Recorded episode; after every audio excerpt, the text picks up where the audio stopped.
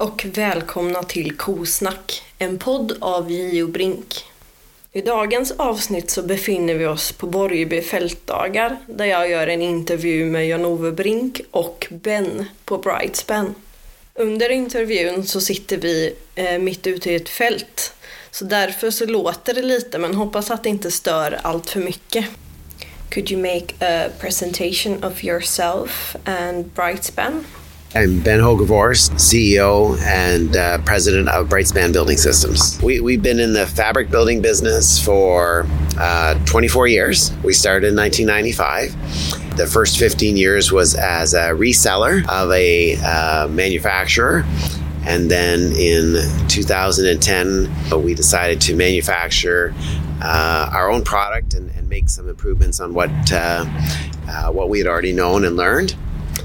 And uh, over the last nine years, uh, we've grown every year. Um, many of our customers, after purchasing one building, uh, purchase uh, only fabric buildings afterwards because they like the the environment uh, so greatly. We sell about 350 buildings a year, and over half of those are for agriculture, and over half of the agricultural buildings are for dairy. Uh, for the dairy producers, we'll build um, milking barns uh, with and without parlors, heifer barns, manure storages, equipment storage, uh, whatever the dairy customer needs, as well as uh, other livestock like beef, sheep, um, anything that needs uh, shelter from the elements. And why should you pick Brightspan? So why Brightspan over other manufacturers? So um, one of the initial separating factors is that we hot dip galvanize our trusses after we manu- manufacture them. So we weld them black, we send them to uh, a hot dip galvanizing uh, to be dipped into the galvanizing, which uh, coats the the trusses inside and out and and that that gives the longest lasting truss that's available in the marketplace. Um, most of our competitors uh, will use pre galvanized steel and they weld it and uh, then they spray a, a, coat of galvanizing spray over the weld, which does on the surface uh, to the eye look okay. But what you don't see is that the galvanizing on the inside of the pre galvanized tube is burnt off and uh, effectively rusts very quickly. So that's the first feature. Uh, the second feature is uh, as of two years ago, we actually manufacture our fabric roofs ourselves. And so we have total control of, of the major components of what a customer buys. Uh, we control the manufacture and the quality control uh, through that process. And as a result of uh, those things, we provide the the best warranty that is exists in our business, and it's a 20 year prorated warranty. Those are the reasons why you would buy our product uh, over competitors. Uh, another reason, of course, is uh, we engineer our buildings likely more rigidly than uh, most of our competitors.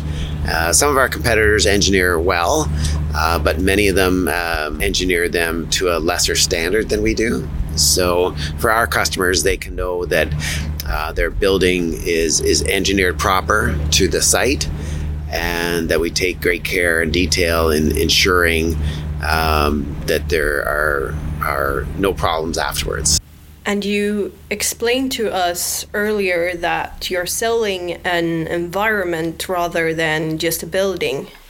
Yeah, we strongly uh, feel as a result of being in this business for for 24 years and having many thousand customers um, and hearing how they the results of, of what their herd has given them.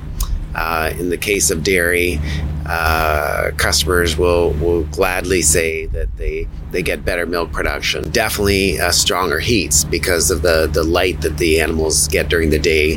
They get stronger heats, so they're easier to detect. For the young uh, the young livestock, our, our customers are saying that their calves are growing better, and so they're they're uh, a good weight at breeding. And uh, in Canada, at least, we breed by weight, not by age and so it's very important to have a good average daily gain of the the the heifer as it grows, so that you can breed it in time to calve at 24 months. The, the health benefit of the fabric building over steel buildings uh, is very great. Um, it doesn't matter how new a steel building or a conventional building is, it, they're still dark. So our building, because it allows light from every direction, and and it literally lets light in 24 hours a day. Uh, even even on a moonlit night, you can walk in our buildings without a, turning a light on, as an example. But it's it's the light that creates the the feeling that the animals uh, are it, outdoors but under a maple tree as an example or under a tree with that light and with proper ventilation we provide a very clean air for the animals to breathe uh, at every point of the day and so from a health standpoint they're not breathing in ammonia it's always fresh air and, and our building shape is such that there's a very large volume of air uh, that we're turning uh, with the chimneys and the peak we're sucking all that bad air out or the moist air. And so the environment that's left is always dry and fresh. And how about snow? Snow, okay. And because we engineer the buildings to the sites, whether you're uh, at a 1.5, uh, whether you're at 1.5 or 3, uh, we engineer the buildings to the site, both snow and wind. And so a building in southern Sweden will be um, will be a lighter building than a building we put in northern Sweden or the middle of Sweden. Och nu en fråga på svenska till Jan-Ove som faktiskt ska bygga en sån här Brightspan-byggnad eh, hemma på sin egen gård i sommar. Eh, varför valde du Brightspan? Nej, men för oss så var det nog så. Jag hade tittat på det där med, som man på engelska säger, fabric building. Men det är ju egentligen att man har ett, ett inte ett vanligt ståltak, utan man har en duk i taket istället slående för att det blir så ljust. Eh, eh, så om vi skulle bygga något själva så hade jag tänkt att det där ska jag undersöka lite noggrannare och ju mer jag tittar på det ju mer intressant tyckte jag det var då. Och sen så tänkte jag när vi började komma till att ja, men nu får vi ta kontakt med olika leverantörer, att jag kollar upp det. Och ska vara helt ärlig med två, två baktankar, för jag tänkte att det ena är själviskt ur vår egen. Om vi bygger så vill vi hitta rätt byggnad. Men det andra var också att jag kände att det borde finnas en marknad för det i Sverige. Det, det, det, mig vetligen så finns det inget att tala om i Sverige, utan den, den marknaden kan nog finnas där. Det borde finnas fler som är intresserade. Så jag, jag var lite nyfiken på om vi kunde vara importörer förutsatt att vi hittade rätt firma som, som hade rätt grejer och stod för rätt saker och, och sådär.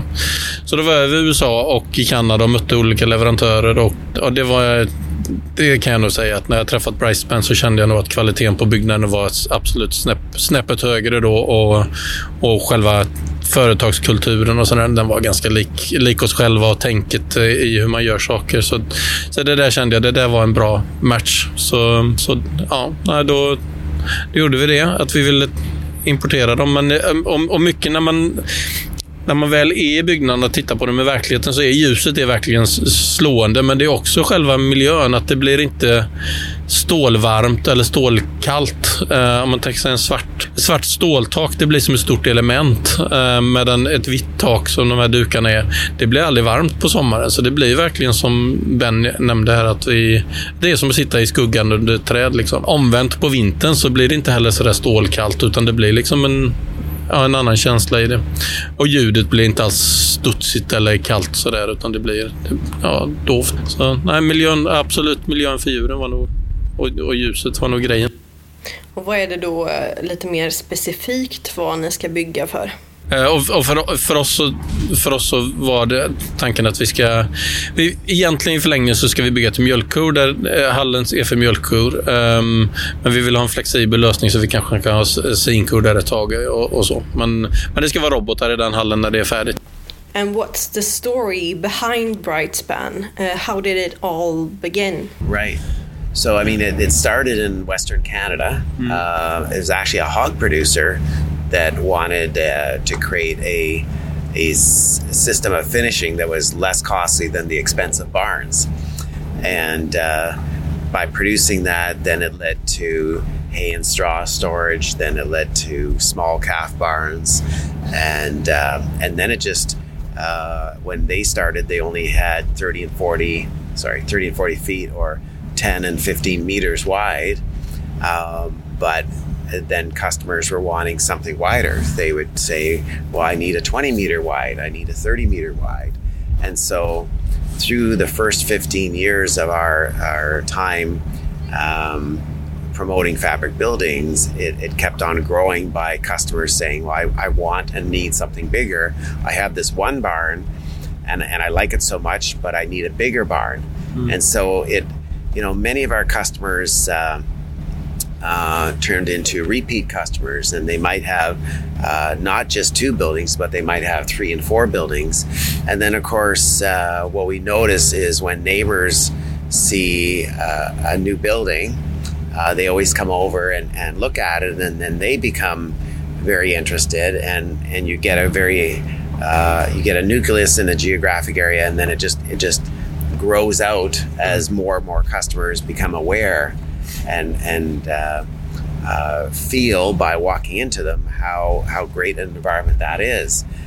And I think the reason maybe it hasn't come uh, to Sweden, I mean, it started, I would say, in in Canada, um, and but there was so much growth. I mean, we ourselves have grown 15% a year, and so we were just busy keeping up with growth. But as we looked for new opportunities and, and how Yano happened to to learn about us uh, and then come and investigate us, I think um, it, it's a very good time for the Swedish customer to become aware of our buildings because as a uh, as an alternative to conventional buildings, um, they they offer all um, very there's nothing uh, that is negative about building a fabric building, uh, no matter what the use is um, or the reuse. I mean, we have we have customers that uh, were dairymen in in uh, North America that ended up retiring. And because the building is free span and does not have any posts, they might use it for boat storage or RV storage and and you can literally transform the building into any other use because of that or you can actually move the building. It's it's a big uh, mechanical set and so you can you can take it down and move it. Um, but largely they, they for the most part they get reused for a different use if, if a customer changes what he's doing.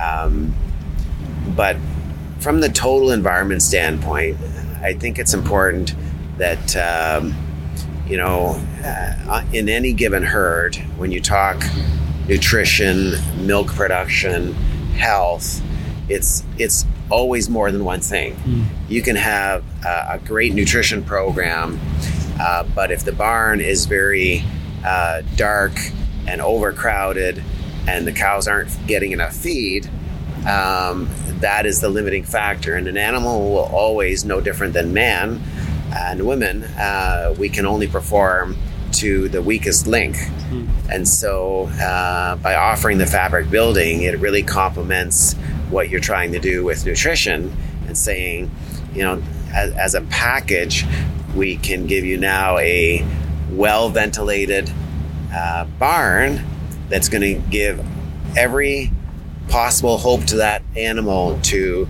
to gain well, to produce well, and we're going to give you a nutritional package that is also not going to be limiting. And so the animal beyond genetics will have every opportunity to perform at its maximum because it's got the light, it's got the nutrition, and it's really a, a total package of, uh, of health and environment. Mm. Well, thank you for answering those questions. You're welcome. och det var allt vi hade för detta avsnittet. Och nu kommer det tyvärr dröja ett tag innan nästa poddavsnitt kommer. För idag går jag nämligen på semester. Ha en skön sommar allihopa.